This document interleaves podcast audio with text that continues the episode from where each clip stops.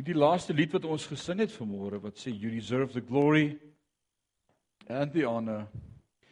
Lord, I lift my hands in worship. As ons U aanbid vanmôre.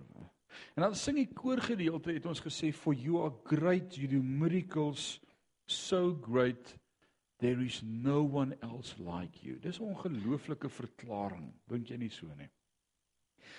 Ek wil jou help vanmôre om hierdie song te snap. Dis maklik om te sing for you are great, you do miracles so great wanneer jy gebless is en met jou goed gaan. Wie kan sê amen? Dis maklik. En dis awesome verklaring om dit te kan doen om te sê I lift my hands in worship as we praise your holy name. U is great. U het voorsien. Ek het die lotto gewen Vrydag aand en is is daai persoon hier vanmôre. Ek wil net sê onthou om jou 10de te betaal. Ons wil graag kerk bou hierdie jaar kontant. So bring net jou 10de, moenie sê jy die lotto gewen nie. Uh, maar maar dis maklik om dit te doen as dit met jou goed gaan. As niemand op jou keuse is nie en jy het nie issues in jou lewe nie en die bankbestuurder bel jou nie. Okay, dit gebeur nie meer nie. Dis deesdae rekenaars, né? Hoe weet julle dit? Okay, maar in 'n geval uh, dis dis dis maklik om God groot te maak as dit met jou goed gaan. Maar wanneer die tekkie die teer tref en jy gaan deur moeilike omstandighede en deur beproewinge en luister mooi vanmôre die woord van die Here sê ons sal deur moeilike tye gaan. As kinders van God sal ons deur moeilike tye gaan. Nêrens vrywaar die Here ons van moeilike omstandighede nie. Nee, hy sê dit sal daar wees, maar in al hierdie dinge is ons meer as oorwinnaar. Ja, dis wanneer ons al daai moeilike tye kom wanneer ek my hande kan opsteek en sê for you are great, you do miracles so great, dan wil ek dit profeties oor my lewe sing deur te sê alles sal in plek val want God is in beheer. Ek sing dit nie omdat dit klaar daar is nie, ek sing dit want ek weet dit gaan so wees. En soms het ek en jy nodig om profeet oor ons eie lewe te wees om die dinge wat nie is nie te roep asof dit reeds daar is. Dis geloof.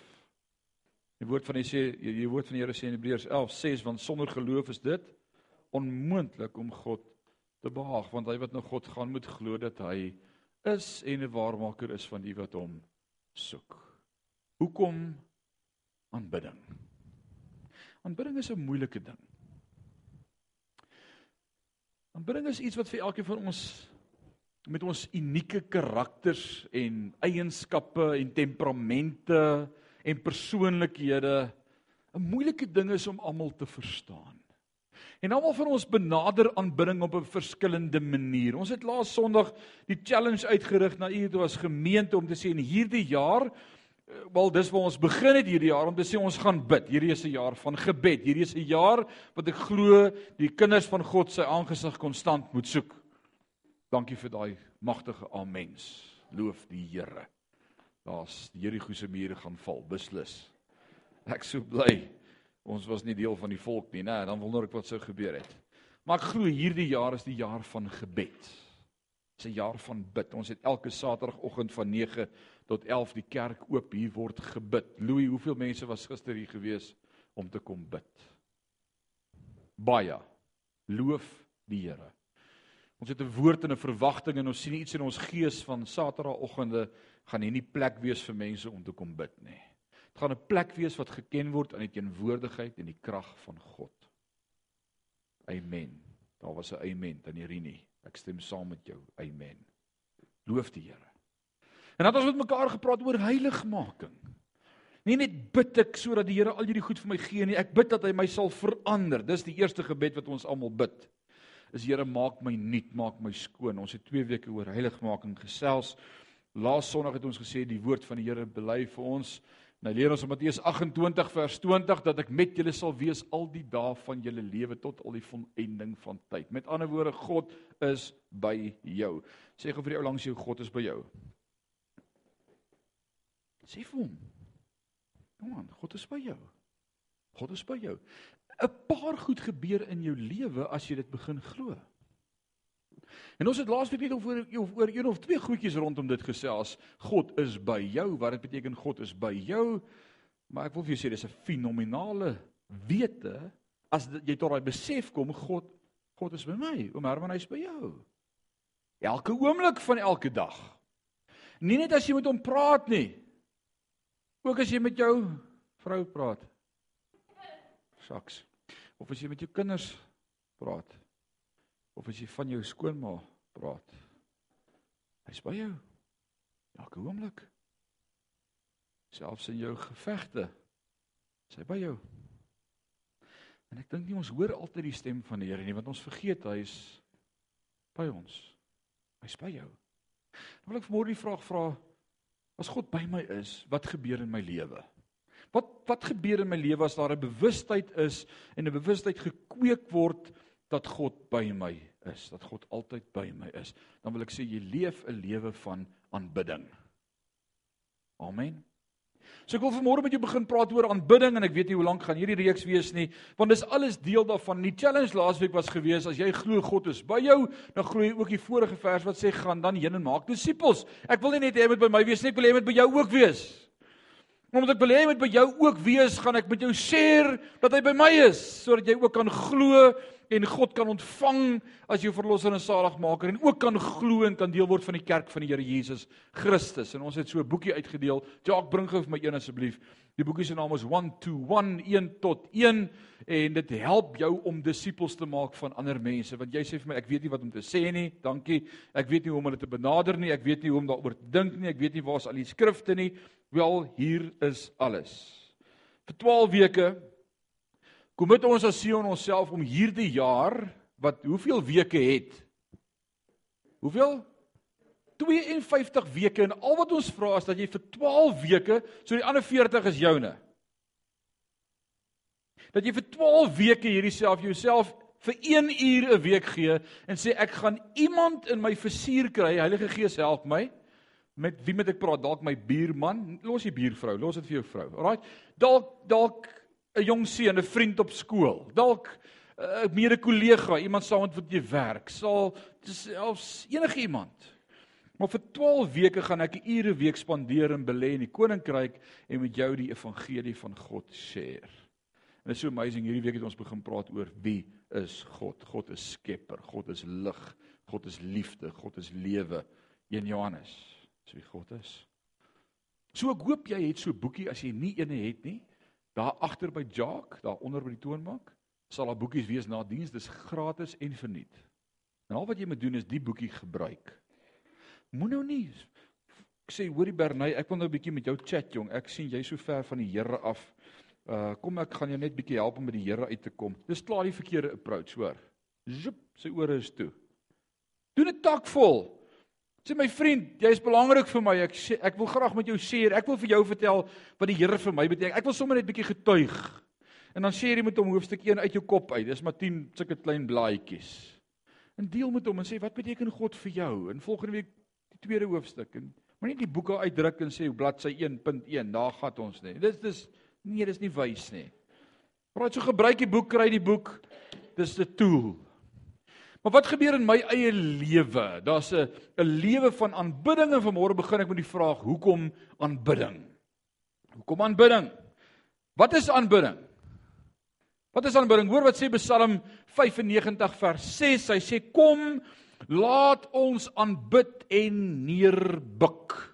Daai woord is ook die woord neerbuig, laag buig. Laat ons kniel voor die Here wat ons gemaak het, want hy is ons God. En ons is die volk van sy weide en die skape van sy hand. Hier kom Dawid en ons leer in die Ou Testament, in die boek Psalms vir die Jood, vir die Israeliet, is die boek Psalms sy lofliede aan God. Dis 'n worship boek, 'n boek van aanbidding. Daar's gebede in, daar's lofprysing aan God, daar's aanbidding voor God, daar's verootmoediging. Dis wat hierdie boek doen. En nou kom Psalm en Dawid beskryf so bietjie wat is aanbidding. Ek wil sê om te aanbid. Hoor mooi wat ek sê. Behels aktiewe oorgawe van my kant af. Ek moet kies om te aanbid. Ek moet release. Ek moet die handbriek laat sak. As ek hom nie laat sak nie, gaan ek agterkom ek hou daai kerkbank voor my so vas. Laat my naal so in die hout ingaan. Want ek weet nie wat om met my hande te doen nie. Moenie nou amen sê nie, verkeerde plek. Alraight. Maar dis wat beleef. Ek moet kies. Sê saam met my kies. Ek moet kies om die Here glo. Hoor wat sê Genesis 22 vers 5 en Abraham sê aan sy dienaars: "Bly julle hier met die esel. Ek en die seun wil daarheen gaan om te aanbid en dan na julle terugkom." Dis 'n besluit, aktiewe besluit om te aanbid. Nou hierdie twee woorde wat algemeen vertaal word as aanbid in ons taal uit die Bybel uit, is daar twee woorde. Hoekom sê ek sê twee woorde? Want die Bybel is in twee tale geskryf. Hy's in die Ou Testament in Hebreëus geskryf en die Nuwe Testament in Grieks. Dis die twee Bybeltale. So in die Ou Testament lyk die woord aanbid so. Wie weet wat daar staan? Kom aan, waar's my Jode? Jy dink jou man is 'n Jood. Vra hom of hy weet wat daar staan. Alraight. Daar staan die woordjie Shosha. En wat daai woordjie beteken in die Hebreëus as jy vir hom so uitspreek, dit beteken to bow the self down. Dis wat die woordjie aanbid letterlik beteken. Die pragtige van ons woord in die taal van die Ou Testament is dat die woorde so ryk in is aan betekenis. So die woordjie wat vir my en vir jou sê aanbid beteken om jouself neer te buig voor God. En dis ook hoe die Israeliete vandag nog bid by die klaagmuur. Deur hulle self op hulle knieë neer te gooi voor God en te sê ek aanbid U. Ek wil vir jou sê daar's iets in die manier van aanbidding wat ons dalk weer moet terugkry in ons lewe. En ons kan dit nie op 'n ander plek gaan leer as in die woord van die Here nie. En daarom wil ek met jou daaroor praat vanmôre. Die Nuwe Testamentiese woordjie, waar's ons Griekse studente? Wat staan op die bord Dalena? Kom aan. Tom Proskuneo, pragtig. Daai woordjie proskuneo is die Griekse woordjie. Eintlik moes ek nou vir Jacques gevra het vanmôre wat staan daar Jacques? Hy het net met Grieks 1 begin, so neem kennis. Sandro, proskuneo. Wat beteken die woordjie proskuneo? Die vertaling sê to bow down, selfs as Hebreëus. To prostrate oneself om jou uit te strek voor die Here or to kiss reverently. Wow, dis mooi. Isn't it beautiful? To kiss reverently. So as ek God aanbid, daai woordjie proskuneo en hoeveel keer in die Nuwe Testament vind ons daai woordjie proskuneo opgeteken vir ons? 60 keer. Nie een of twee keer nie. 60 keer praat die Bybel van my en jou leefwyse as 'n lewe van proskuneo om God te aanbid. Hoekom is ek en jy gemaak? Dat ons gou die vraag vra vanmôre. Hoekom het God my gemaak? Leon om hom te aanbid, Marlene, jy het gesê om te aanbid of te vereer, wie wil nog iets sê?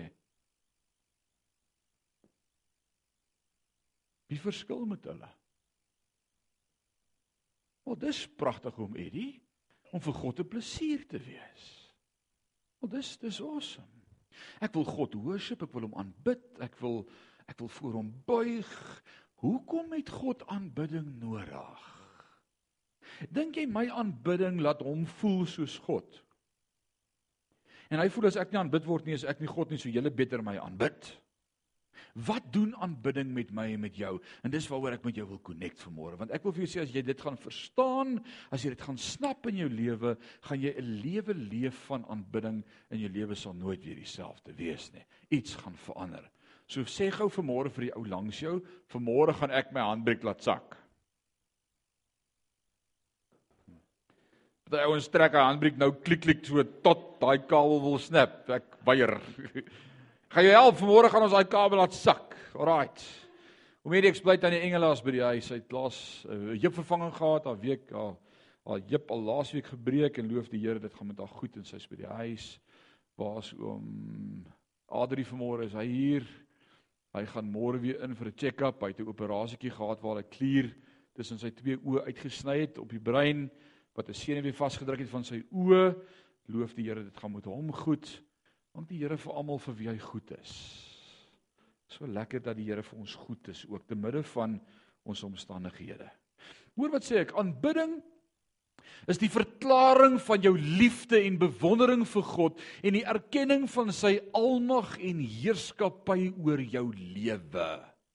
Die elemente van intimiteit en ontzag is albei teenwoordig. Met ander woorde, kom ons vra vir mekaar die vraag uit hierdie stelling uit. Kan enige iemand God aanbid? Of net kinders van God? Wat sê jy? Almal moet die Here groot maak. Maar as ek God aanbid, dan het, staan ek in 'n liefdesverhouding. Ek verstaan wie God is in my lewe en ek wil eintlik sê net 'n kind van God kan God aanbid. As die wêreldling bid, is die enigste gebed wat die Here van hom hoor, is Here, red my. Dit hoor die Here. Die buurman se kind kan nie by die draad staan en vir my skree die hele dag hoe wonderlik ek is en hoop hy kry 'n Kersgeskenk nie.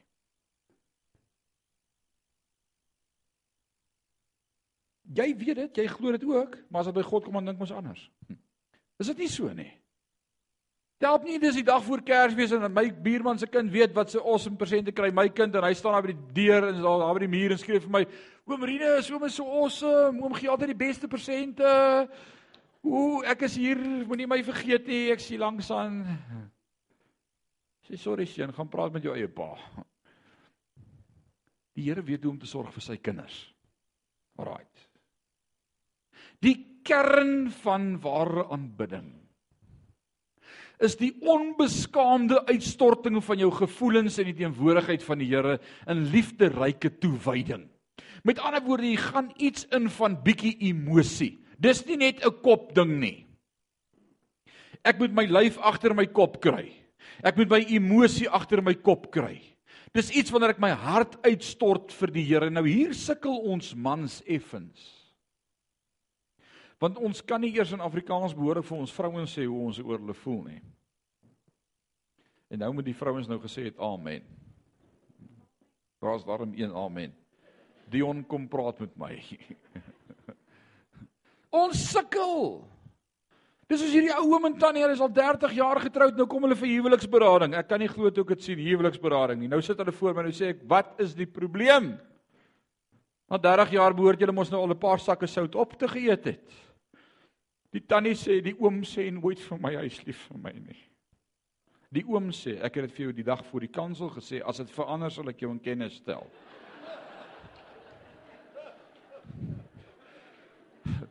Dis mos nou gesê. dit werk nie so nie. Sê vir die vrou jy oor haar voel elke dag, heeldag. As jy sien sê vir haar, jy maak my knieë lam. Sê amen, Henriet. Hulle wil dit hoor. En ons dink ons het dit gesê. Sy kom ons sien ek is by die huis. Dis dan nou as ek nie lief was vir haar nie, sou ek nie huis toe gekom het nie. Nee, hulle dink nie so nie. Hulle wil dit hoor. En dalk moet ons in ons verhoudings en dis hoekom die Here ons in verhoudings gesit het, want dit stretch ons bietjie, dit rek ons bietjie. Eyster slyp eyster.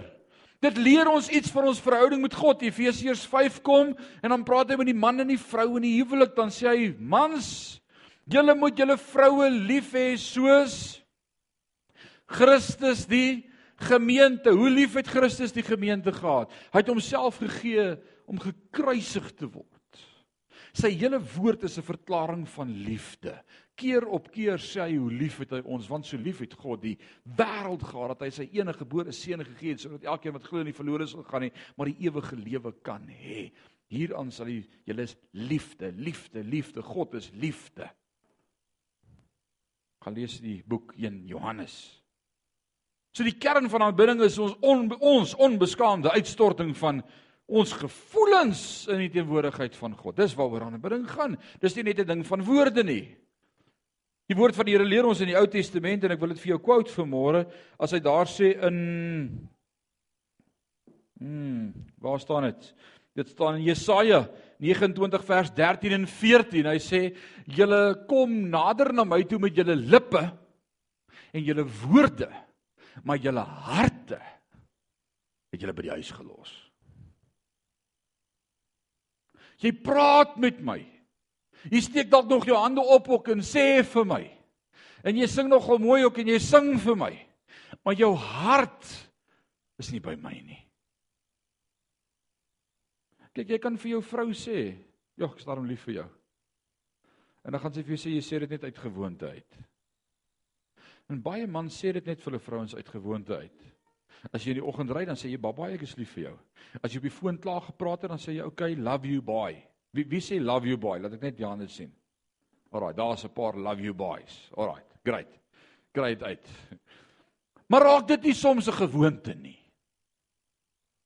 Raak dit nie net soms 'n gewoonte om te sê nie? So steur jou tip. Regtig? En al het jy 'n woorde gehad op die foon en jy's effens gewip, dan sê jy, "Okay, love you, boy." Jy sien dit dit kan nie dieselfde beteken nie. Dit kan nie. Sê 'n bietjie vir my ek is lief vir jou. Ek is lief vir jou. Nee. Dit werk nie so nie. En ek moet sê as jy vir iemand moet vra of hy lief is vir jou, is daar fout. Wat wat sal jy sê Resou? Nee, ek moet ophou mense vra te vra want hulle sê altyd hoe die geweet is ons probleem. Ek weet hier is 'n probleem. Sumi glad nee, ekskuus. Uh Maar is dit nie so nie as jy vir iemand moet vra, hoorie is jy nog lief vir my? Ja, o nee, ek is mal oor jou. Is dit seker hoekom ek dit so baie hoor? sien ek ek moet my hart uitstort voor God. Ek moet van self spontaan met my emosie en intellek vir hom kan sê, "U is awesome." Worship, hoor wat sê Bob. Hy sê worship is extravagant love and extreme obedience. Hy sê julle sê dat julle my liefhet, maar julle doen nie wat ek vir julle sê nie. Jy sien aanbidding is baie meer as net om te sing en jou hande op te steek. Dis 'n lewe van gehoorsaamheid aan God. Die woord van die Here sê sê in Psalm ag in Matteus 28 vers 19: "Gaan heen en maak disippels." Ek wil vanmôre verklaar, om disippels te maak is ook 'n lewe van aanbidding. Ek doen dit want ek wil God aanbid. En sy woord sê ek moet dit doen. En omdat ek doen wat sy woord sê, is dit 'n lewe van aanbidding aan God. Ons moet anders begin dink oor aanbidding, ouens. Ons moet anders begin dink oor aanbidding. Lof en aanbidding. God het nie ons lofprysing nodig om waardig te wees of waardig te voel of waarlik God te wees nie. Die hele skepping vereer hom. Hy sê as julle my nie groot maak nie, sal die klippe dit uitroep. Die klippe sal dit uitroep. Maar God soek aanbidders. Sê saam met my aanbidders. In Johannes 4 vers 23 praat die Here daar by die vrou, hy praat met die vrou daar by die put oor aanbidding en hy sê die Here soek aanbidders want in die laaste dae sal God aanbidders soek wat hom in gees en in waarheid sal aanbid. Hy soek nie aanbidding nie. Maar hy soek 'n aanbidder. 'n Aanbidder is iemand wat se lewe verander het en die heeltyd God gesentreerd lewe. As die Here wil, vir die Here, aan die Here, met die Here, by die Here, saam met die Here. Dis 'n lewe van aanbidding. Jy kan God prys sonder 'n ware liefdeverhouding. Jy kan hier in die kerk staan, ons kan sing wie is 'n God soos U en jy kan hande klap en jou voete kan dalk nog maak soos myne. Ek is nou nie baie ritmies in my voete nie. In my bolyf en onderlyf is iewers 'n paar millisekondes uitvoering uit met mekaar. En dit voel soms of ek twee linker voete het. Want toe ek 'n uh, jong seun was, was dit nog sonde om te sokkie. So ek het nooit geleer nie. So ek dans maar in die gees. Dit beteken jy doen dit as jy alleen is. Maar Maar maar soms kom daar 'n opgewondenheid oor jou. Jou liggaam kan bietjie begin uh, uiting gee aan wat die mond sê en wie is 'n God soos U of jy kan dalk jou hande opsteek en hom bietjie groot maak en ek wil sê dis maklik om dit te doen. Maar dit beteken nie daar's 'n liefdeverhouding tussen jou en die Here as jy dit doen nie. Hoor jy wat ek sê vanmôre? Want as jy by die rugby is en daar speel 'n lied oor die interkomstelsel oor daai hele paviljoen waar 'n paar duisend mense is. En die lied sal dalk iets gaan soos 'n blou bil eet die van die vloer af dê. Nou, en en jou hande begin saam klap want dis daar's mos mos ritme en musiek. Kom aan, wie van julle het al saam hande geklap as 'n as 'n song speel daar oor die radio of by die rugby? Hier kom skyn heilige mense hier voor my. Heerlikheid. Man. Okay, kom ek vra die vraag oor. Wie het nog nooit gereageer op 'n wêreldse song as hy speel nie? Dit lyk baie beter, né? Nou, dis almal inklusief. So, alraai ons weet waarvan ek praat. Beteken dit dat jy die woorde van daai song regtig joune maak? Dat dit reg jou hart is, dat jy regtig lief is vir die ou wat dit sing Steve of my, ek weet nie dat jy uh, nee, daar's geen liefdesverhouding nie. Nou strings attached, daar's niks. So net so kan ons voor God kom baie keer. En ek dink dis wat 1 Korintiërs 13 skryf as hy sê wat baat dit die mens? As jy al hierdie dinge doen en het en oorgee en praat, maar daar's nie liefde nie. En en dan sê 1 Korintiërs 13, Petrus Paulus skryf vir ons iets daarvan van God se hart. Hy sê dit raas in my ore. Dis soos wanneer ek nou vanmôre hierdie dromstokkie sou vat en jy dink Bernay speel hard. Dis wanneer jy hierdie stokkie vat en terwyl jy praat sê die Here dit klink.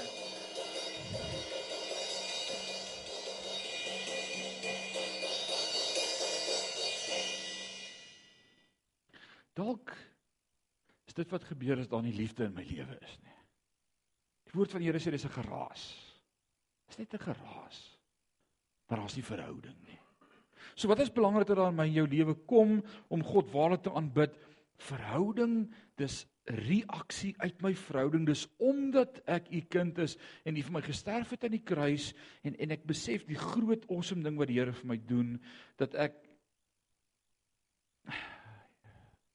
net wil oorgee. Sê hy is reg amazing vir my. En dalk is dit iets wat jy moet oefen. Dalk dalk ken jy nie hoe om te aanbid nie. Dalk is al wat jy ken is om saam met ons hierdie woorde te sing wat op die bord is en ek wil vir jou sê dis dis nie aanbidding nie. Aanbidding is wanneer daar nie musiek speel nie en daar nie woorde op 'n bord is nie. En jy nog steeds jou hande kan ophef en sê Here, U is awesome. U is amazing. U is my God. U hou my vas in die holte van die hand. U is my koning. Ek is so lief vir U. Dis dis aanbidding. En ons moet leer om dit te doen. Dis 'n keuse. Ons sukkel met ons vrouens, ons sukkel met ons kinders, ons kinders sukkel met ons. Ons daar's nie meer daai verhoudings in ons huise nie. Ons leef in 'n moderne era waar ons dit dalk nie meer vir mekaar sê nie. Eh, ek dink ons moet teruggaan na die plek wat ons hoe ons regtig voel vir mekaar sê, want dis ook ons verhouding met God. Ons moet met hom praat. En ek wil sê lof is dikwels uh, die voorbereiding tot aanbidding. Dis lekker om te juig en hande te klap en eh, maar, maar dis wanneer ek stil word voor God en regtig vir hom sê wie is hy vir my? Ek wil môre vir jou sê wat is die doel van aanbidding? Wat is die doel van aanbidding? Ons is verhoudingswesens. Almal van ons staan in verhoudings. Of jy dit nou like of nie, jy jy soek verhoudings in jou lewe. Dalk is dit net 'n naby verhouding. Dalk is dit net jy en jou vrou en dis vir jou genoeg. Jy het nie ander vriende nodig nie. Dis maar jy staan in 'n verhouding met iemand. Wie weet vanmôre dis nie lekker om alleen te wees nie. Ja, dis nie lekker om alleen te wees nie. Baie keer dink jy jy wil alleen wees. Baie keer voel jy, "Ag, oh, ek wens ek kan 'n bietjie alleen wees." Maar weet jy wat, dit is nie lekker om alleen te wees nie. God het ons nie gemaak om alleen te wees nie. As as iemand sou weet dan is dit God en hy sê van Adam, "Mmm, is nie goed as die mens alleen is nie." En daarom maak die Here toe vir Adam 'n hulp. Alraai, skus. Ou vertaling. 'n maatjie, 'n vrou, een wat beter is en mooier, slimmer. Alraai. Gaan oor verhoudings. Ons is verhoudings mense. Ons is geskape om in 'n verhouding te wees, 'n ek-u verhouding. Ook met my medemense, ek-jy verhouding. Ook met die res van die skepping, 'n ek-dit verhouding. God het ons gemaak om in 'n verhoudings te wees. Aanbidding is die natuurlike uitvloeisel van 'n gesonde ek-u verhouding. Dis wanneer daar 'n goeie ek-u verhouding is met God dat ek kan aanbid spontaan. Right. Wanneer ons in aanbidding verhouding met God staan, vervul ons ons skepingsdoel om God te aanbid. Ons is gemaak om hom te aanbid. Nou, hoe lyk lof en aanbidding uit die Bybel uit. En ek hoop vanmôre ek wil jou so bietjie stretch. Ek gaan daai handbriefkabels so bietjie slapper maak vanmôre om jou te help in vry te kom wat is aanbidding en wat is lof aan God.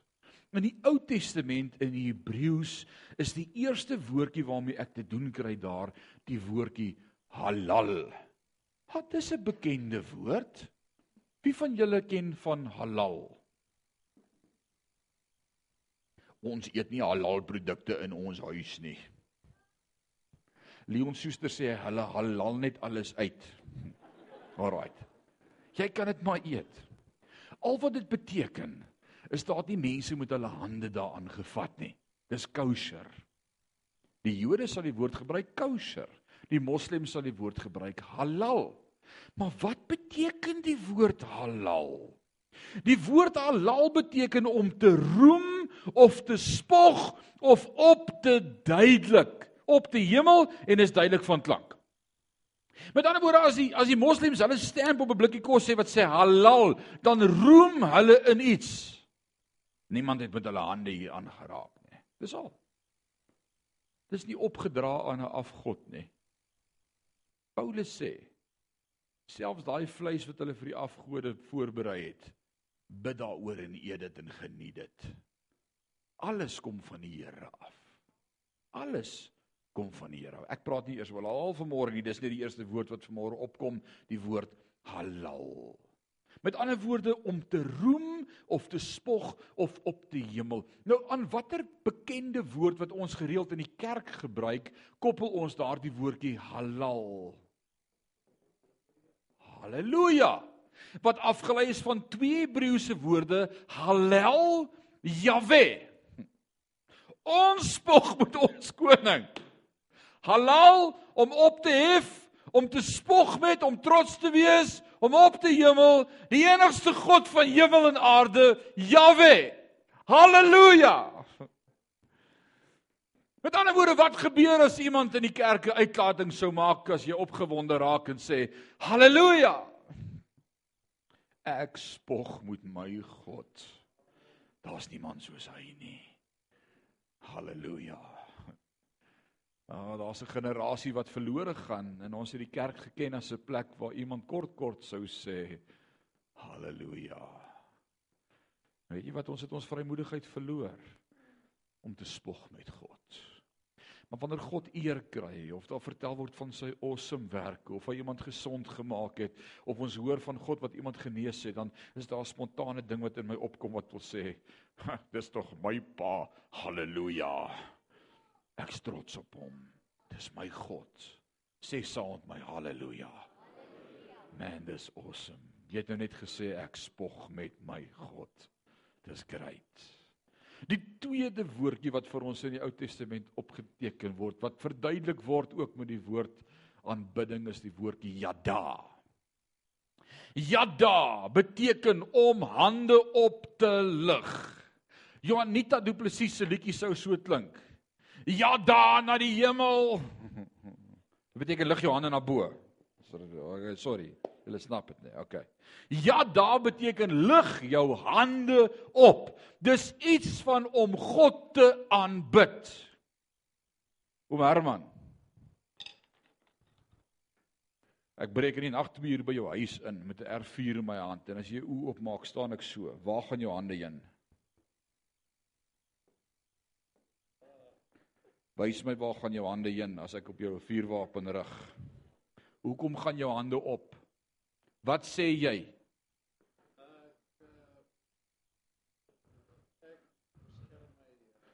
Ek gee oor. Ek gaan nie terugskiet nie. Wat doen jy as jy voor God kom en jou hande opsteek? I surrender all to thee, my Jesus. Jy moet dalk bietjie oorgee. En dalk is jy te gereserveerd en te beheer van jouself en as ek en is my lewe en ek sal nie en ek like dit nie en mense gaan vir my kyk. Ek wil vir jou sê as jy nog 'n saak het met wat mense van jou dink, Dit is so goed jy sê vir my ek sê nie vir my vrou ek is lief vir haar voor die kinders nie. As jou kinders nie hoor dat jy vir jou vrou sê jy's lief vir haar nie, hoe sal hulle ooit vir hulle vrouens kan lief wees?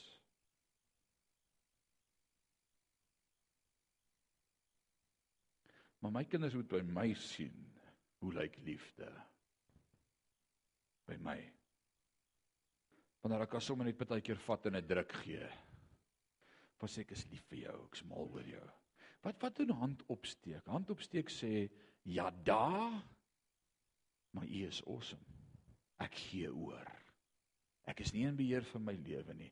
I surrender all. Doen gou saam met my ja da 1 2 3. Ja da. Hoe onthou ek wat beteken die woordjie ja da? Ek sê ja sit hom da. Alraai, ja da. Jy gaan dit nooit vergeet nie. Ja da. Dis soos 'n high five. Come on. 1 2 3. Ja da. Dis wat God soek. Hy soek soms net 'n oorgee en sê net ek's nie in beheer nie. God is in beheer. Die derde woordjie is die woord wat ons steen in Psalm 95 vers 6 wat sê barak. Barak beteken actually om te kniel. Ek kniel voor God neer. Wanneer laas het jy gekniel in aanbidding? En ek sê nie ons moet al die goed sonde aan die kerk doen, die ouens asseblief. Ek sê dan moet iewers in jou lewe plek wees. En die woord van die Here sê vir ons in Matteus 6 waar hy vir ons gepraat het oor die onsse Vader. Hy sê as iemand bid, laat hom in sy binnekamer gaan, die deur toemaak en met God praat. Daar moet 'n plek in jou binnekamer wees waar jy God aanbid. Ja, daar. Barak. Barak is baie keer wanneer ek bid om net op my knieë te gaan en te sê Here Ek het nie vandag woorde om vir u te sê hoe awesome is u nie. En my gees is neergebuig in my en hartseer, maar die woord sê in Psalm 61 U hoor my geroep. En ek wil net voor u kom kniel. U hoor my geroep o God as ek van die uiterstes van die aarde afroep na U in die hemel. U is God. Dis aanbidding. Wanneer my hart oorweldig is deur alles wat gebeur, lei my op na 'n hoë rots wat vir my te hoog is om te staan. Want U was nog altyd my skuilplek. U is my God. Bug, buig jou neer voor God. Ek wonder om met ons so baie knieprobleme, dalk omdat ons te min kniel. Ek sê dit in die week vir iemand met wie ons daaroor gepraat. Met hom daar in die Oosthuis en hulle is nie vanmôre hier nie. Dit troue aan. Ek is Vrydag by hom daar in die plaas en hy sê vir my: "Hoe gaan dit met jou oom, oom Neels, my ma se boetie?" Ek sê: "Great, goed, hulle is in die Kaap." Hy sê oom Neels het vir my vertel hoe jou oupa elke oggend gebid het op die plaas. Oupa Paul. En daar sit my neef daarvoor. Hy het my oupa se naam gekry, hier bogger. Ek wou Paul gewees het. Maar hy kan getuig daarvan. Ons het oupa Paul geken as 'n man wat kon bid. En in sy plaashuis, daar in Barberton, in die spaarkamer was daar so 'n groen ou sout, ou zaait matte geplak. Wie wie kan ou zaait onthou? Daai groen is so olyfgroen. In die spaarkamer voor die bed was daar twee gate gewees waar die mat al weg was. Soos wat Paul de Klerk elke oggend voor God gebarak het. Want is 'n lewe van aanbidding. Wel, it's a known fact. Right. Is daar in ons generasie nog ouens wat sê ek buig voor God neer as ek bid? Of het ons op 'n plek gekom waar ons so gemaklik is om sommer dalk op ons rug te lê en te bid? of te sit en te bid. Buig bietjie voor God. Daar gebeur iets wanneer ek voor God buig. Volgende woordjie wat ek kry is Psalm 22 vers 4, die woordjie tehila. Wie ken die woord tehila?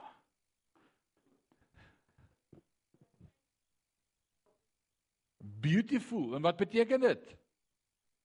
Nee, glo nie. Alraai. Dit beteken geïntensifiseerde vorm van halal. Soos jy gedink het, halal sal so besaaglik klink soos halal. Halleluja. Dan beteken tehila iets soos halleluja. Sorry. Maar hier's nie 'n bordjie voor ons kerk wat sê stilte kerk nie. Ons is raaskerk. Ons is kerk wat glo nee, haleluja is enig in die hemel gaan soos donderslaap wees, want dis wat Openbaring my leer. En dis waarvoor ons oefen. So tehila beteken om soms net uitspattig voor God my stem ook op te hef en dit nog meer te laat klink. Dis 'n harde haleluja. Wat beteken hierdie woordjie? Zamar. Ah, Dis 'n woord uit Hebreëus uit 1 Kronieke 16 vers 9 word as besalmsing vertaal om die snare van 'n instrument te pluk terwyl jy sing. Dis hoekom Christian wil lead gitaar speel en nie gewone akoestiek nie. Hy wil die snare pluk. Dis wat Johan doen as hy hier is met daai wit gitaar. Hy pluk daai snare. Ooh, ek kan dit nie vat as hy daai gitaar so speel nie, sê jy. Maar hy's nie besig om te doen wat die woord van die Here vir jou sê om te doen. Hy's besig om te zamar. Hy slaan die gitaar se snare en dit sê maak 'n klank tot eer van God. Hmm, ek sê in die Bybel. Volgende woordjie. Touda. Waar is hy? Daar's hy Touda F. Psalm 95 vers 2. Dit beteken lofsing of to give thanks. Met ander woorde, deel van aanbidding is om net te sê dankie Here. Wanneer laas het jy net vir die Here dankie gesê? Dankie vir alles wat U vir my doen. Dankie vir alles wat U vir my gee. Dankie vir wat U vir my is. Dankie dat U voor my uittrek en my paai gelyk maak. Dankie dat U my God en my Vader is. Dankie dat U my nooit begewe en my nooit verlaat nie. Dankie dat U so awesome is. Dankie dat U 'n plan vir my lewe het. Dankie dat U my vashou in die holte van U hand. Dankie dat U met my is al die dae van my lewe. Dankie, dankie, dankie. Dis aanbidding. Word alles vertaal met die woord aanbid. En dan die woordjie Shabach. Wat beteken die woordjie Shabach? Om die Here te loof met 'n harde uitroep van lof. Oh, dis weer nie stilte kerk nie. Dis wanneer ek baie keer net skree soos wanneer iemand 'n 3 sou druk op loftes daai onbeplande emosionele uitkom van opgewondenheid oor iets awesome wat gebeur het. Wanneer laas het jy so geraak oor die Here? Wanneer laas het jy so gevoel oor God en wat hy vir jou doen? Te min. Te min. Ons is gereserveerd. Shabbat. Kom ons gaan na die Grieks toe. Die Nuwe Testament. Die eerste woordjie wat ons daar kry is die woordjie doxa. Ons ken die woord doxa. Daar's so 'n gemeentegroep in ons land, doxa, doxa daio. Ons vind dit 'n paar plekke in die woord van die Here Romeine 4:20, 1 Petrus 4:11, Lukas 14 vers 10. Dit beteken die heerlikheid om iemand se heerlikheid te erken, die Engels sê to ascribe the glory of God. Met ander woorde, ek is so bewus van God se teenwoordigheid, sy doxa en omdat ek bewus is van sy teenwoordigheid, verheerlik ek hom. Dis deel van aanbidding. Ons doen dit as ons die woord sou sing wat sê you are awesome in this place. Mighty God. Ons is so bewus van u teenwoordigheid. Ons erken dit. Dan die woordjie Einesis of Einos of knew wat beteken volmaakte lof, kragtige lof, the high praises of God. That's beautiful. The high praises of God. Dan kry ons die woordjie eulogalos wat beteken lofwaardig. Eu is die woordjie goed of goeie in die Grieks. Logos is die woord wat beteken woord of die woord van God, die goeie woord of om iemand se positiewe eienskappe te verkondig, uit te spreek, bekend te maak. Met ander woorde, ek verkondig God se goeie dade. Dis eulogolos. Dis wat dit beteken. So hoe besing ek God se wonderdade? Sal 'n lied sing wat sê your loving kindness is better than life. En dan besing ek God se wonderdade. Of iemand sal opstaan en die voorkom staan en getuig en sê die Here is vir my goed. Hy was met my deur my krisis. Dis God se wonderdade. Dis wat dit beteken om aan God lof te bring. Wanneer laas het jy aan God lof gebring? Die volgende woordjie ek sou mologomai. Dit klink na 'n verskriklike woord. Kom ons breek hom op. Om te bely of te konfes is die woordjie ex, met ander woorde ek bely ek kom uit ex. Die woordjie homo Hoe kan ons dit in die kerk sê? Ja, dit beteken die woord van God. Nee, dit beteken dieselfde as homo. Dieselfde as wat? Logos, die woord van God. Ex homo logos. Exomologomai. Wat beteken om dieselfde te sê en te verklaar as die woord van God. Met ander woorde, wat sal ons doen as ons die woord oopmaak by die psalms en ons sal sommer net uit die psalms uit vir God sê hoe awesome is hy. Kom ons vat sommer net Psalm 100. So wonderlike psalm uit die woord van die Here uit. Wat sê dien die Here met blydskap. Almal op aarde juig tot eer van die Here. Dien die Here met blydskap kom voor hom en sing met vreugde. Erken dat die Here God is. Hy het ons gemaak, ons is syne, sy volk, sy skape vir sy weide. Gaan sy poorte in met lofliedere, met lofgesange. Loof die Here want hy's goed. Wat is ek besig om te doen? Ek sê dieselfde as die woord van God. Dis deel van aanbidding. Nou wil ek jou challenge op hierdie punt. Wanneer laas het jy skrif uit die Bybel uit gememoriseer? Toe ek in die sonnaskool was, juffrou. Wanneer laas het jy skrif gememoriseer? Het jy skrif onthou? Dis nie vanmôre 'n toets nie. Gaan jy nie vanmôre vra wie kan almal skrifte opnoem nie? Maar ek dink dit sal interessant wees om te sê hoeveel skrif ken jy wat sommer net vir God lof bring en hom groot maak? Dis 'n goeie vraag. Ken jy die skrif? Kou die skrif. Leer die skrif. Kies een skrif 'n week en sê dit elke dag vir jouself op en herhaal dit oor en oor en oor. Efesiërs 1 Geseënd is die God en Vader van ons Here Jesus Christus wat my geseën het met alle seënings in die hemel en op aarde. Wat my verordeneer het voor die grondlegging van die aarde. Wat my sy kind gemaak het voor die begin van tyd. Is dit nie iets om die Here oor groot te maak en te aanbid nê Filippense 1 vers 6 Hy sal die werk wat hy my begin het volëindig tot op die dag van Jesus Christus. Here, dankie dat U daai werk begin het. Ek loof U. U's besig met my. U's op pad met my. U's awesome. Dis om woord te onthou. Filippense 4 vers 4 ons het gesing toe ons 'n kind was. Daar's 'n een skrif wat jy al ken. Wat staan daar by? Verbly jou in die Here. Ek herhaal verbly jou. Vers Die Here is naby jou en hy's met jou. Vers 6 en laat al julle begeertes met smeking en danksegging bekend word by God. Vers 7 en hy sal julle harte en julle sinne bewaar in Christus Jesus. Dis maklik om woord te bid. Onthou die woord, leer die woord, memoriseer die woord. Want as jy in jou kar ry of alleen is of in die aand op jou bed lê en die bedlampie is af of jou oë raak op jou ou dag dof, dan is dit net wat in jou hart en in jou kop is wat jy nog met God oor kan praat. Dis so awesome om Leon jy sal weet as jy by die ou mensies kom wat nie meer kan Bybel lees nie. En dat hulle die quote, hulle quoteer die woord soos wat dit in hulle harte is.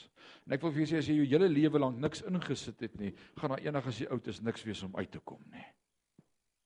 Het jy al daaroor gedink? Want net wat die hart van vol is, loop die mond van hoor.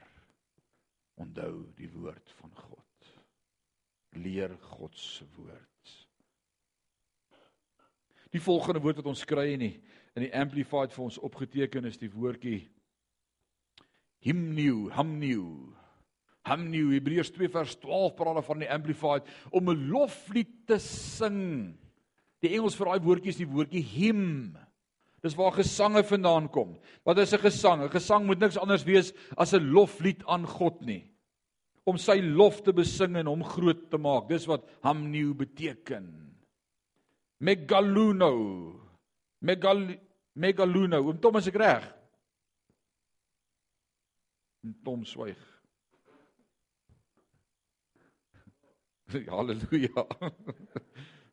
Ouens, ek is nie Grieks gebore nie, regtig nie om groot te maak, om te vergroot, 'n harde uitroep, a loud exclamation of praise to magnify die woordjie mega beteken baie groot. Mega luno om baie groot te maak God se aanbidding. Dis wat dit beteken. En dan hierdie woordjie, ek seker julle het hom nog nooit gesien in julle lewe nie. Psalmo Efesiërs 5 vers 19 sê psalm sing. Dis dieselfde as zamar in die Hebreëus 1 Kronieke 16 vers 19 sing tot eer van die Here 'n loflied saam. Help dit jou so bietjie om te besef wat behels aanbidding? Vanmôre sien jy dalk oggend is baie meer as wat ek doen in my lewe. Is dit 'n wet? Nee. Moet jy dit doen om God te aanbid? Jy hoef nie. Wat ek vir jou probeer sê vanmôre is aanbiddingsverhouding kom uit die hart uit. En jy kan hard skree haleluja in die kerk en jy kan op jou knieë neerval en jy kan lê voor die Here. Jy kan al hierdie goed doen wat ek vir jou gelees het vanmôre en nie lief wees vir die Here in 'n verhouding met hom hê nie. En daarom moet dit die uitvloeisel wees van wat in jou hart is. Want as jy hierdie goed doen sonder 'n hart wat verander het, dan sê die woord van die Here vir ons daar in Jesaja, hy sê, "Julle kom na my toe met julle woorde, maar julle harte is ver van my af."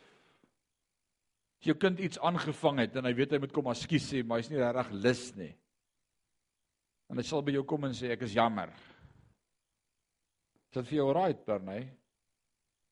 Die hart moet sê ek is jammer. Sê dad, ek is jammer. Jy sien dit kan woorde wees met 'n hart wat nie agter dit is nie. Ons moet leer om met ons hart God te aanbid en hom groot te maak. En dan wil ek jou vanmôre help met hierdie laaste paar punte en ek dink dit gaan dit vir jou in konteks bring. Lofprysing is God se plan vir my om my liggaam en my siel op te wek sodat ek liggaam, siel en gees in lyn met sy wil, sy woord en sy gees kan bly. God woon onder die lofsange van sy volk.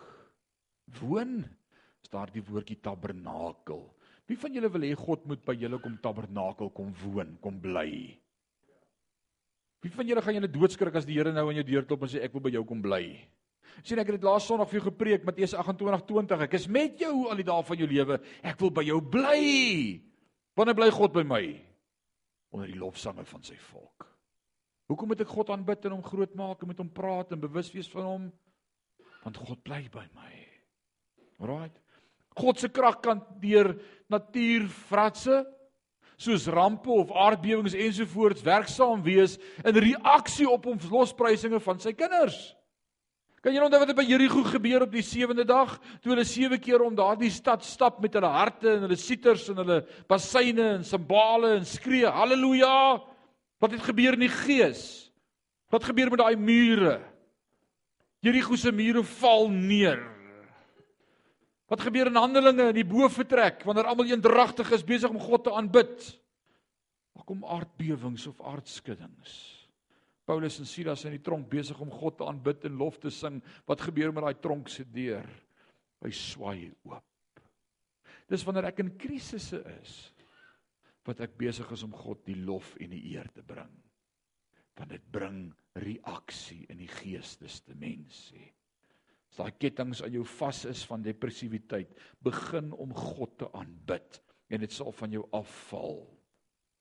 God verstrooi sy kinders se vyande deur middel van 'n bonatuurlike vrees of angs of verwarring. Die oomblik toe God se volk uitgaan met die basuine en God begin grootmaak, kom daar verwarring onder al drie ander nasies. Hulle steek mekaar dood met swaarde. Toe God se volk om die draai kom, hierdie almal klaar dood. God bring 'n Babelse verwarring onder jou vyande wanneer jy lof aan God besing. Amen. God se belofte. Moenie nou nie vanaand by die huis kom as jy laat is en as jy instap en jou vrou is kwaad vir jou sê, "Al die lof en al die eer kom U toe." Dit sal dwaas wees. Alraai. God se belofte aan Juda, wie se naam lof beteken volgens Genesis 29 vers 35, is van toepassing ook op ons wat hom loof. In die lig van Efesiërs gaan kyk, ons loof God, ons maak hom groot, ons aanbid God. Hy is awesome. Ek wil afsluit met die effek van die geesteswêreld. Wat gebeur in die geesteswêreld? wanneer ek en jy God loof en God aanbid. Dink jy dit het 'n effek in die geesteswêreld? Efesiërs 6 kom vir my en vir jou en die woord van die Here leer so duidelik. Hy sê ons worstelstryd is nie teen vlees en bloed nie, maar teen die bose magte en die owerhede in die lig. Hier's 'n oorlog aan die gang, broer. En soms voel jy net hier's 'n helse oorlog oor my los, maar ek kan hom nie sien nie. Wie van julle weet waarvan ek praat? Alraai, dalk as jy hierdie week deur een. Jy weet net hier's iets aan die gang. Hier's 'n oorlog. Jy weet nie wat sy naam nie, jy weet nie hoe hy lyk nie, maar hy's aan die gang. En soms is ons onsensitief. Soms gebeur die oorlog reg langs ons ons sit doodgerus, ons weet van niks. Ons moet attent wees op wat gebeur in die geestesdimensie. Nou wil ek vanmôre sê die effek van lof in die geestesdimensie Lof is soos 'n vuurpyl wat 'n plofkop lanseer en op 'n spesifieke teiken afskiet. Die plofkop is die deel van die vuurpyl wat die skade aanrig. Alraight. En ons kan 3 plofkoppe vanmôre afskiet. Nou kyk gou hoe werk die vyand baie keer. Wie wie was in die weermag of in die militêr of in die Steek gou jou hande op. Dis niks om oorskaam te wees nie. Ek dink dit is great dat ons daar kon wees. Ons jong seuns van vandag moet gaan. Maar, maar ek was daar. Dit was tot my voor en nadeel. Die voordeel was dissipline. Alraait. Maar, maar daar het ons geleer van treisers. Kan jy onthou van treisers? Hoe werk 'n treiser? Hoe vrek hoe werk 'n treiser? Wanneer jy hom skiet, sien jy lig en as hy die target tref, dan's daar 'n reaksie, daar's 'n ontploffing. Maar as jy miskiet, niks. En net so is my en jou gebedslewe. Ons sit te treiser in, ons begin skiet. Maar die oomblik wanneer dit daai objek tref, dan het ons ons target, né? Nee, dis mos hoe dit werk. Die duiwel werk met my en met jou so in ons gedagte lewe. Dalk het jy dit nie geweet nie. Hy skiet treisers elke dag deur jou gedagtes. Maak jou kind dood. nee, hy hy sê hy sê vir jou uh wip jou. Moenie so dat sy so met jou praat nie. Gaan jy dit regtig vat? Retaliate. Staan op vir jouself. Die heeltyd is daar treisers wat deur jou gedagte wêreld gaan. Een van daai treisers tref die target en daar's reaksie by jou. En die duiwel sien, "Ah, is dit sy reaksie?" En dan gou hy jou. Die oomblik as jy emosie wys of reaksie wys, fokus die duiwel op daai een punt. Wie weet, dit het hierdie week met jou gebeur. Die oomblik toe jy emosie toon, die oomblik toe jy toelaat dat daar 'n reaksie is by jou, toe gou die duiwel jou. En dan sal jy baie keer sê die hel het losgebreek. Nou, dis letterlik wat gebeur. Die duiwel fokus op daai een punt en almal zero in en dan voel dit vir jou almal pik op my vandag. Dis hoe dit werk. So moenie reageer nie, bly in die gees. Bly in oorwinning. Trek jou wapenrusting aan sodat jy staande kan bly. Praat so kom ek sê vir jou hoe werk hierdie pile. Wat is hierdie pile? Die eerste een wil ek sê, die naam van Jesus het krag. Wie kan sê amen? Sê gou saam met my Jesus. Sê dit weer. Sê dit weer. Dis die naam wat duiwels laat hardloop. En dis 'n naam wat ek en jy dalk te min het op ons lippe. Die ou tannetjie bestuur haar karretjie, haar Volkswagen Beetletjie. Sy ry uit na die plaas toe, dis 'n grondpad. En so op die draai Toe gly die karretjie. Nou getuig sy Sondag in die kerk. Sy sê broers en susters, en toe daai karretjie so begin rol, toe los ek die stuurwiel en ek sê liewe Jesus, help. Sy sê broers en susters, en liewe Jesus rol my karretjie 3 keer en hy land op sy wiele. Jy sien baie keer los ek en jy die stuurwiel wanneer ons klaar besig is om 'n ongeluk te maak. En dan sê ons dit was die Here se wil. Nee, ek moet leer om voor die tyd oor te gee. Dalk moet ek voor die tyd sy naam begin aanroep. As ek agterkom hy's 'n oorlog teen my aan die gang, dan loop ek en sê, die naam van Jesus is my banier. Jesus is my anker. Jesus is my rots. Jesus is my fondasie. Jesus is my skuilplek. Jesus is my vesting. Die woord sê regverdig is hardop daarin en vind beskutting. Jesus. Die tweede die bloed van die lam. Die bloed van Jesus het krag. En nou moet julle as Pinksterkerk almal geskree het haleluja. Want die bloed van Jesus het jou verlos van jou sonde en jou kind God se kind gemaak. Hy het jou gewederbaar. Die bloed van die lam het krag. Daar's krag in die bloed van Jesus. En wanneer ek en jy struggle met siekte in ons liggaam of ons struggle met omstandighede, dan vat ons daai nagmaal en ons bring dit bietjie nader en ons gee vir mekaar daai beker en sê hierdie is die bloed van Jesus. Here, ek gebruik vandag nagmaal vir my huwelik of ek gebruik nagmaal vir my kind se redding of ek gebruik nagmaal vir die verlossing van hierdie uitkoms vir dit of vir daai die bloed van Jesus het krag. Amen. En dan die derde plek die woord van God. God se woord het krag. En dis kragtig. En dan wil ek vir jou sê leer God se woord ken. Sodat wanneer jy in jou kar ry of alleen is of op jou bed lê en besig is met 'n oorlog, jy die woord van die Here kan kwoteer. Ken die woord van die Here. Ken sy woord. Kom ons som op vanmôre en ons maak klaar. Waarin lê die krag van lof dan eintlik? Waarin lê die krag eintlik? Ek wil sê daar is inherente krag in die naam van Jesus. Kan jy sê amen? In die bloed van die lam, amen, en in die woord van God. Nou kom ek verduidelik dit vir jou met die laaste sinnetjie. Ek wil sê lof lanceer daardie krag waardeur die meeste skade aan die vyand se werke kan doen en dit tref raak. Want wanneer ek God groot maak en hom aanbid, dan is dit soos pile wat afgeskuur gestuur word in die geestesdimensie. En al daai skanse, al daai verkeerde persepsies, al daai demoniese magte, al daai bindinge om my verbreek in die naam van Jesus. En ek wil vir jou sê kom los en begin God groot maak. Mag Sion gemeente 'n gemeente wees wat geken word daaraan dat hulle God in gees en in waarheid aanbid. Mag jy hierdie week dan stretch ek jou een voetjie vir een voetjie vir môre. En die challenge vir jou vir hierdie week is iewerster waar jy alleen is. Dalk is dit in die kar op pad werk toe. Onthou net een ding, as jy in die kar bid, moenie jou oë toemaak nie. Dis belangrik. Alraai. Hou jou oë op. Die woord sê waak en bid. So kyk vir die pad. Dalk gaan jy so 'n vervoering in jou oë toe en nee nee nee, hou jou oë oop as jy in die kar bid, maar dit is 'n awesome plek om met God te praat. Dis 'n awesome plek om met God te praat. Of trek jou kantoor deur bietjie 5 minute vroeër toe en sê Here, voordat ek begin werk vandag, wil ek eers vir u sê u is awesome. En dan wil ek jou challenge. Probeer bietjie een van die goed wat jy vanmôre hier gesien het. Gaan dalk op jou knieë weer vir 'n slag vandag.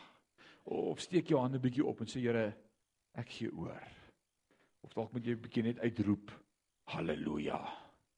Man, dis die awesomeste as ek uitry na die plase toe langs die pad, dan stop ek sommer daar tussen die mielies, daar's niemand wat my kan hoor nie en dan kyk ek hoe hard kan ek met die Here 'n bietjie praat. Dis eintlik awesome om met God te kan praat.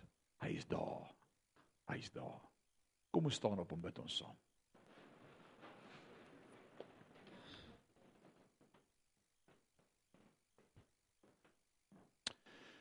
Kom ons bid saam. Ewige God en Hemelse Vader, wat 'n wonderlike voorreg vir ons vanmôre om in die huis te kon wees. Om aan die lof en eer te kon bring en U te kon grootmaak en te kon aanbid deur ons lofliede, deur dit wat ons bely het vanmôre saam in ons gemeente sang, deur die geleentheid wat ons gehad het om met U te connect want U was hier, U woord sê U woon onder die lofsange van U volk. Vanmôre besef ek Here, U is nie net hier Sondagoggende wanneer ons almal saam sing nie, U is ook elke dag by elkeen van ons, elke oomblik. En ek wil vanmôre bid dat U vir ons sal help in hierdie week om God gefokus te wees, om God bewus te wees. En ek wil bid Here, help ons om in ons eie persoonlike lewe bietjie meer oor te gee en U te aanbid. Dan wil ek vanmôre bid Heilige Gees van God, leer ons om te aanbid. Hoe anders sal ons leer as ons nie weet wat u woord sê en een vanmôre het ons net gesê wat u woord sê en u woord sê dit is aanbidding aan my en ek wil vanmôre bid begin by ons harte dat dit nie net woorde sal wees nie maar opreg uit die hart uit. As ons vanmôre vir u sê Here daar's niemand soos u nie. He is amazing. Hy hou ons vas in die holte van die hand. Hy is my God. U is my pa. U het my gered toe ek verlore was van sonde en van die hel. U is met my elke dag van my lewe. En ek wil U groot maak en ek wil U aanbid. En ek wil U verhoog en ek wil U verhef en ek wil U wonderdade besing en ek wil vertel van die goedheid van die Here. En ek wil U groot maak sodat al hierdie demoniese magte en die oorlog om my sodat dit vuurige pile sal wees en u woord sê u verbreek daardie vestings in Jesus naam.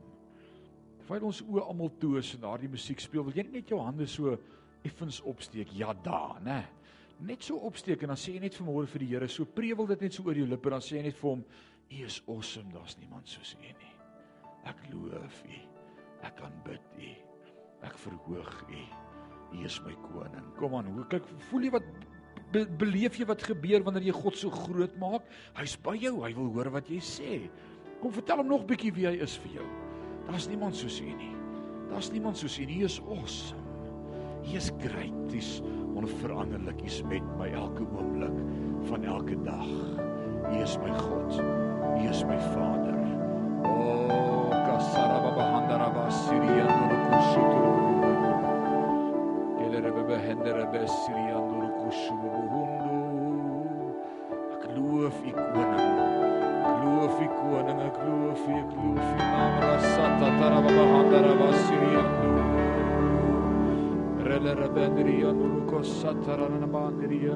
Loof u naam. Kana na handara basiria sturu kushu bundu. Halleluja, halleluja, halleluja. Wanneer jy dit in jou binnekamer doen hierdie week dan hardop die duiwel want hy like dit nie as jy vir God eer gee nie. En dan doen jy dit. Jy steek jou hande op en jy begin met God praat. Maak nie saak waar jy is nie. Maak nie saak wat wie van jou dink nie. As jy en God, jy begin met hom praat. Ek dink Daniël het in die leeukuil met sy hande in die lug gestaan. Gesê my God is groot en daar's niemand soos hy nie en hy sluit die leeu's van die die bekke van die leeu's. U is ons God en U is met ons. En daar's niemand soos ons God nie. O, oh, al die lof en al die eer aan U alleen, ons koning. Ons eer U naam. Ek wil bid Vader dat U in hierdie week op die lippe van Sion aanbid mag word. Dat U geloof sal word as ons God en ons koning. Bring by ons 'n spontane uitroep van aanbidding teenoor ons God, want daar's niemand soos hy nie. Hy's die enige God. 'n Onveranderlike God tot in ewigheid. Aan al die lof en al die eer is vir ons gebed in Jesus naam en Sion sê amen. Kan ons bietjie saam sê haleluja? Halleluja. Ek is so trots op my God en Vader. Vanaand 6 uur woordskool Hebreërs, mag die Here jou bless in hierdie week met jou wees. Amen. Amen.